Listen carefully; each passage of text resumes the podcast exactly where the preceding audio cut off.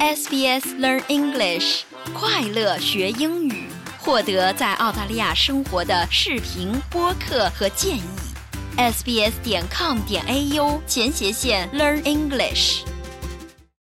到 SBS On Demand 看有中文字幕的电视电影。SBS 中文集锦，详情请登录 sbs.com.au 前斜杠 mentoring。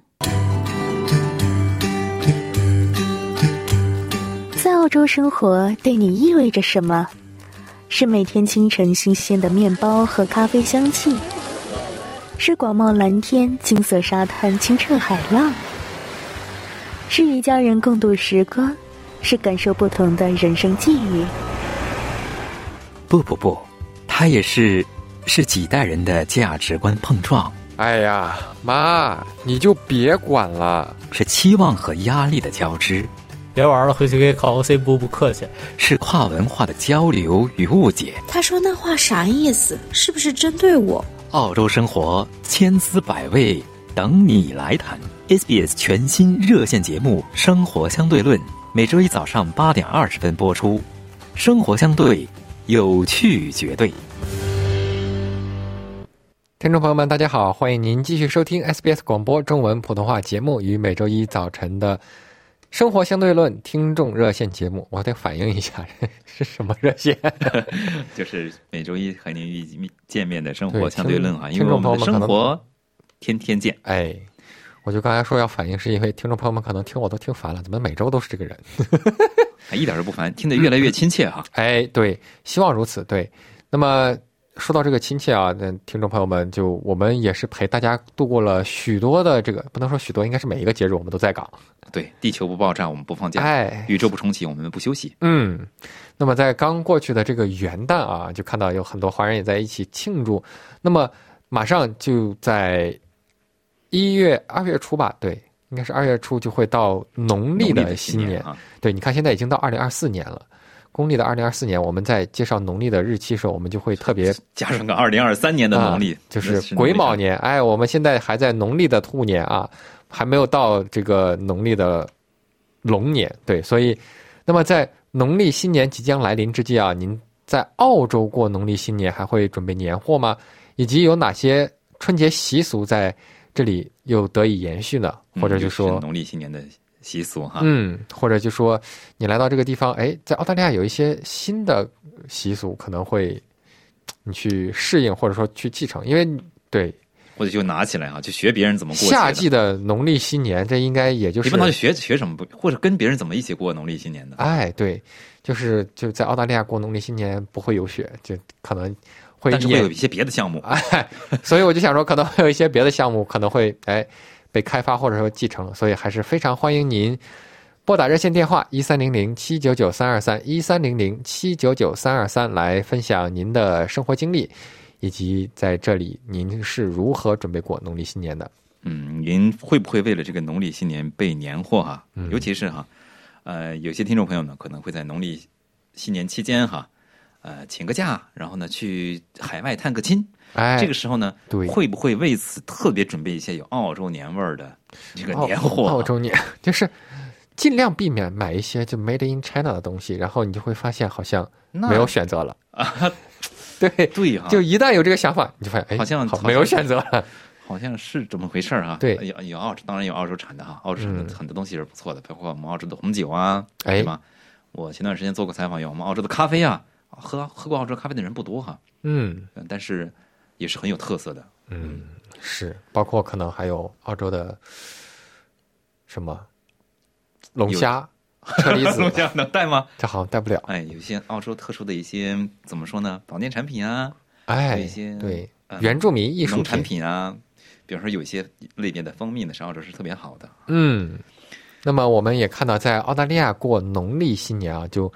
不像是在中国，就是只有中国人就是比较局限嘛。呃、对吧东南这亚里国家、南亚国家也在过哈、对，嗯这里就是东南亚、南亚国家人、日本人、韩国人可能会跟你一起来过这个农历新年。对，那么，不仅是华人备年货，来自其他非亚裔背景的澳大利亚人，哎，也会在春节购买新的新年礼物送给华人同事朋友。我就记得当时，也不是当时，应该是每年在那个悉尼的 World Square 这个地方啊，嗯，他就会按照每年的生肖，然后去准备当年的那个雕塑，就是猪年、鼠年、牛年、虎年，就一直在准备。嗯，兔年，然后龙年，我估计会在这个广场上会有更大的一个龙年的雕塑。对首先是声明哈，这不是做广告哈，因 为这个去堪培拉去逛的时候啊，你可以看铸币厂嘛，对吧？嗯，这个铸币厂其实在每年的农历年的时候啊，都会推出一个生肖的一个特别纪念币，哎，那个卖的挺火的。嗯我去就去逛的时候，正好看了一下，早卖光了。哎，当然所还以有各就种是不同的类型这的。种 zodiac 分了十二个生肖，它可能是在亚洲的一系列国家，它都会有过，只国嗯不过内可新年能的一些国家大，同小异。就像我们现在还仍身处于这个中国农历的兔年，以及越南农历的猫年，嗯，对，所以以会有一定的区别。哎，是的，反正这个当时看的时候觉得挺怎么说呢？人家设计那个挺漂亮的吧？嗯，嗯，那么越南华裔 Karen Jin 在悉尼的一家亚洲超市已经工作了十年啊，每年春节前后都是他们最为忙碌的时候。这家位于市中心的商店呢，挂满了农历新年的装饰品，看起来就非常的喜庆。嗯，这来自我们台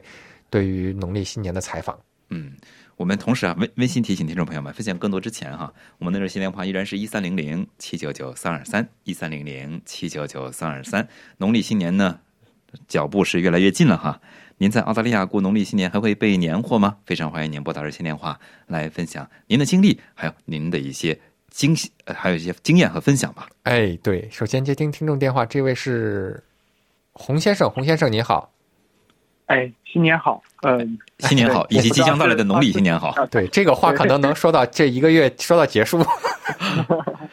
嗯、对，关于农历新年的话，我觉得来了澳洲以后会有一些不一样，和以前也有一些一样的地方。一样的地方是我们还是会，嗯，聚在一起，不过不是和家人，而是和朋友。 对因，为在澳洲过新年的话，可能因为我是留学生，然后后来，呃，在这里工作，所以我的父母还在国内。我嗯相信很多留学生在澳洲过年也是这个样子，大多数是和朋友一起聚会。嗯，然后的话就是，我们也会就是包饺子、写春联，嗯但是不太会，就是我们有的时候聚会的时候，可能不像国内那种。就是做几个菜，因为留学生 厨艺也比较有限，可能就一个火锅就也行了嗯哎会包饺子已经很厉害了。对，会包饺子也很厉害。对，那你们会准备年货吗？我记得洪先生应该是在偏远的地区，你就像过去对就是没来之前，在中国过年的时候备年货，应该都是家里爸爸妈妈去做的事情。然后他好像还要提前很多天，我觉得有一些东西是需要准备提前一个的月，啊，去预定、去购买什么。对，就是过年期间，大家感觉东西不要钱一样，啊不买不是，就好像错过了这个机会。当然，就以对买到吃的就是和赚生活到的多，对对。是，嗯，是这样的，就是可能在城里的话，备货这，嗯，备年货这个是，嗯，随时都可以，但是在偏远地区来说，备年货就很重要，因为我们这里，嗯，只有一家超市，然后没有任何亚超，然后几千人的小镇，你要备年货的话，要驱车三百公里，所以我的这个年过得更有年味，嗯，哦，这但个是对 我真的备年货是一个非常有仪式性的呃一件事儿，因为对我来说买到一些亚洲东西并不是那么容易。那你那买到这些样式东西，除了给自己备之后，是不是会给这个邻居啊、朋友啊带一些呢？呃，是这样的，就是我会给室友带一些，但是嗯不一定是中国的东西，因为毕竟我的室嗯友也不是中国人。对，嗯、对，因为嗯去一次大城市不容易，在偏远地区，对我会带一些东西给他们，然后有的时候我做一些中国特色的东西，会让他们尝一尝。嗯，您离得最近的这个大城市是哪里？嗯呃，是呃南澳第二大城市 Mount Gambier，大概离哦我两个小时到两个半小时左右开车。嗯，哎呀，有机会的时候我们也去体这验个一逛下，逛。逛一逛。对，哎，非常欢迎，非常欢迎。您刚才提到是呃我们其中这里一样的啊，就是有一样的、不一样的，这是一样的一部分，对吧？嗯，对，不一样的是，我们可能会做一些澳洲特色的东西，特别是，呃，有一些厨艺好的同学去同呃厨艺去厨艺好的同学家做客的时候，我们可能不会选择，比如说肘子啊，或者是其他的肘子就我也是不会做中。国传统的那种硬菜，对于我们年轻人来说，嗯，呃，呃也觉得比较腻。我们会选择龙虾或者是鲍鱼，哎，听起来有点微奢，但是呃，在澳洲来说还好。嗯，很有澳洲特色的风味美食哈。对，是，或者是我们有的时候也会选择一些澳洲特色的嗯活动来庆祝吧。毕竟呃，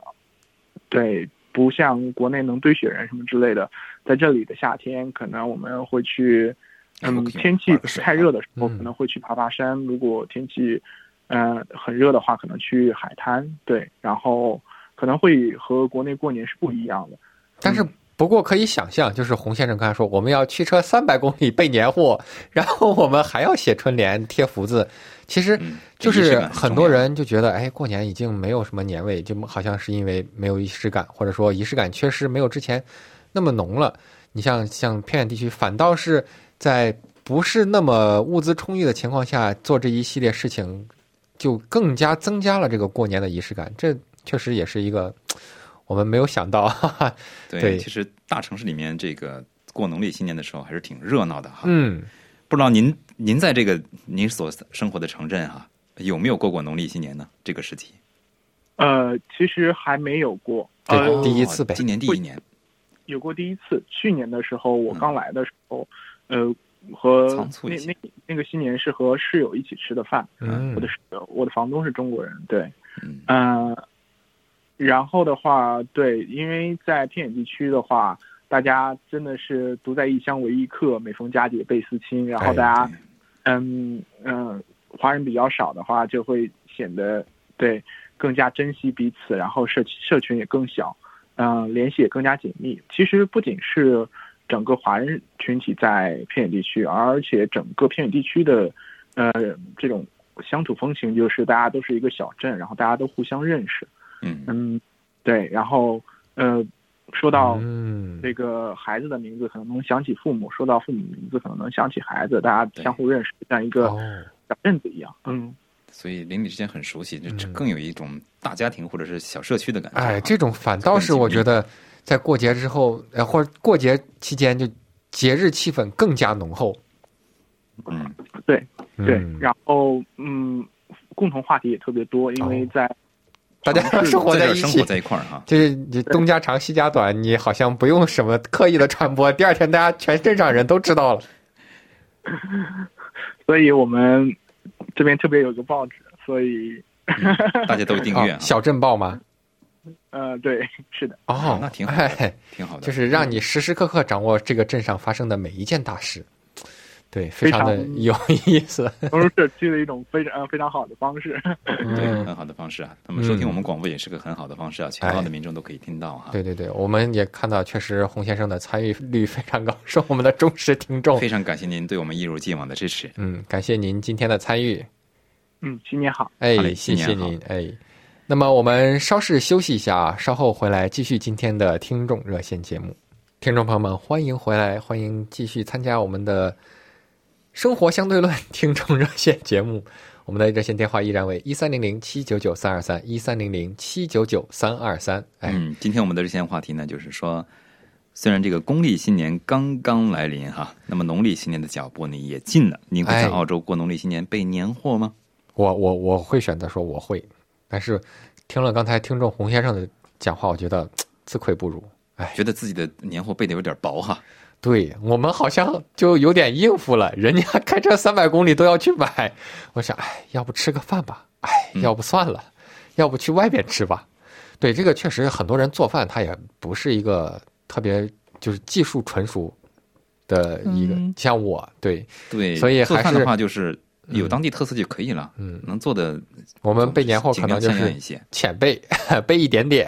嗯，这样子。但是就我们看到啊，刚才我们提到的越南华裔在悉尼开了一家亚洲超市，那么。往往呢，在农历新年来临之际啊，这个早上九点刚刚开门，就有很多顾客在门外等候。美而联超级市场这个 Wall Square 分店的经理 Karen 也说，卖的最好的就是糖果啊，还有过年的一些特别的饼干啊，还有立式风，这个应该是就是南方广东福建人的叫法，北方人可能会说是红包。就是包钱的那个红包啊。，对，是那个包啊，不是说里面有钱的红包。嗯，有钱就更好了。哎那是对。那么从通过这个超市工作人员他的这个进出货量，我们就可以基本上对一个区域哈，这个民众在备新年年呃农历新年年货的时候的这个选择哈，有个大致的了解吧，哎一，个小窗口。嗯，我们看到传统春节的装饰品也很受欢迎啊，在美而莲超市等其他这个亚洲市场啊、超级市场，他们就会看到福字、春联、灯笼和其他挂饰等传统的这种中式过农历新年的物品啊。不仅华人会来亚洲超市购买，许多非亚裔背景的澳大利亚人也会来买小礼物送给华人的朋事呃哎呀同同事和朋友，哎呀对，多亲切啊，对对？吧？嗯，发现自己这个叫什么来着？仪式感的这个哎，礼品啊，是由这个非自己文化族裔的人送给自己的话，非常具有纪念意义这很特别的哈。嗯，我们看到已经有听众等在线上了，让我们来接听这位听众电话是。您好，是瞿先生吗？哎，你好，哎，你好，你好，呃，主持人好，观众呃，听众们好，哎，我好好，先生新年好，新年好，今天的话题就是说，呃，过年会备年货嘛，对然后我想想了一想，其实还带出了一另外一个话题，就是呃，现在过年什么是年货这个话题，什么是年货是吧？哎，对嗯，好问题，好话题。对啊，就是您怎么理解年货的？知道什么是年货，然后你才会考虑啊，会不嗯会去备？我所坚持的就是什么春联福字，我过年一定要买。 瞿先生，您怎么看？呃，我应该算是广东人吧，哎，然后呃，从小到大的这个年货，其实基本上我们小都不用怎么去考虑备，因为都是家长长辈们去对，张罗的。唯唯一的印象就是就是小的时候，呃，读一到读小学就是，啊、外婆家外婆家他会去炸那个，呃，叫什么油角有奖炸蛋散、炸煎堆，哦这个就是啊、老年人他就是一年到头要红红火火，就是这个寓意，所以他必须要就是要开锅开油锅，哦啊、，开油锅啊、所以就是有这种延续。然后那这种您现在还在就是这边过年的时候会坚持吗？去自己 做？失传了。呃，在我成家以后，我就没有再再做这个事情了，因因为老一辈到我成家以后是经济改嗯不可以用钱去买了，哦，呃，就就会备一些，就是去那个年货是会去买的。但呃哦是，随买着一些后后后来，现在就是来澳洲以后，就是说这个，一个是说这个不健康，然后在澳洲的这个年味也淡了，啊啊，，一起来家里串门的朋友也少啊，怎么样的，所以这这个年货就基本上就，啊，就是有时候偶尔会买一点点，嗯很少量的，就是应一下节啊、就，但是自己榨是应该就不会了。对，现在都有不易包装的啦，这油角、榨油角，嗯。不知道这个曲先生，您家里有孩子吗？您是怎么跟孩子去这个聊这个农历新年的这个节日的？啊、孩子都在这边土生土长的，哦，然然后也就少了。嗯，啊我唯一能跟他们说的就是，Chinese New Year 嗯，啊，对，其确实实我还也是文化上的，让这个 Chinese New Year 而不是温温六月。嗯，对。好的，非常感谢曲先生今天的参加，感谢您的贡献啊，也跟我们讨论嗯了什么是年货，谢谢您，谢谢谢谢，哎，您谢新谢年愉您快，祝您愉快。嗯，让我们接听下一位听众电话，这位是郑女士，您好，呃，你好，哎，您好，嗯、呃，静姐好，哎， 两位郑主女士持人好，您好，啊、呃，我就想说一下子，就是呃，每年的新年，我们公司，我们公司是其实是一个法国公司，嗯但是呢，我们我们的公司每年过了新年，过新年的时候，为了就是啊、promote 这种 multicultural 的这种环境，所以每年新年，呃，公司里面也会装饰一下子，然后去华人超市买一些。那些呃装饰品，把公司装饰成那个新年的样子，然后也会呃 organize 一个一个呃 Chinese New Year 的这种 lunch 哦，哎呀，给 你们羡慕你们公司，给你们中公司哎点个赞餐，中餐 中餐的 lunch 不错，羡慕一你定要们一的个公司手，动点赞。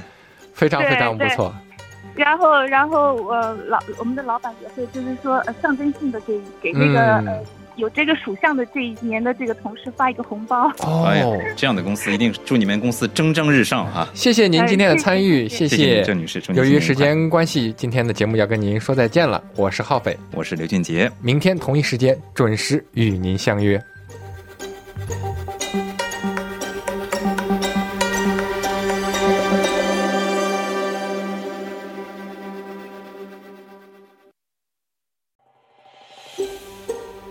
想听到更多这样的故事吗？您可以通过苹果播客、谷歌播客、Spotify 或者您喜爱的方式下载收听。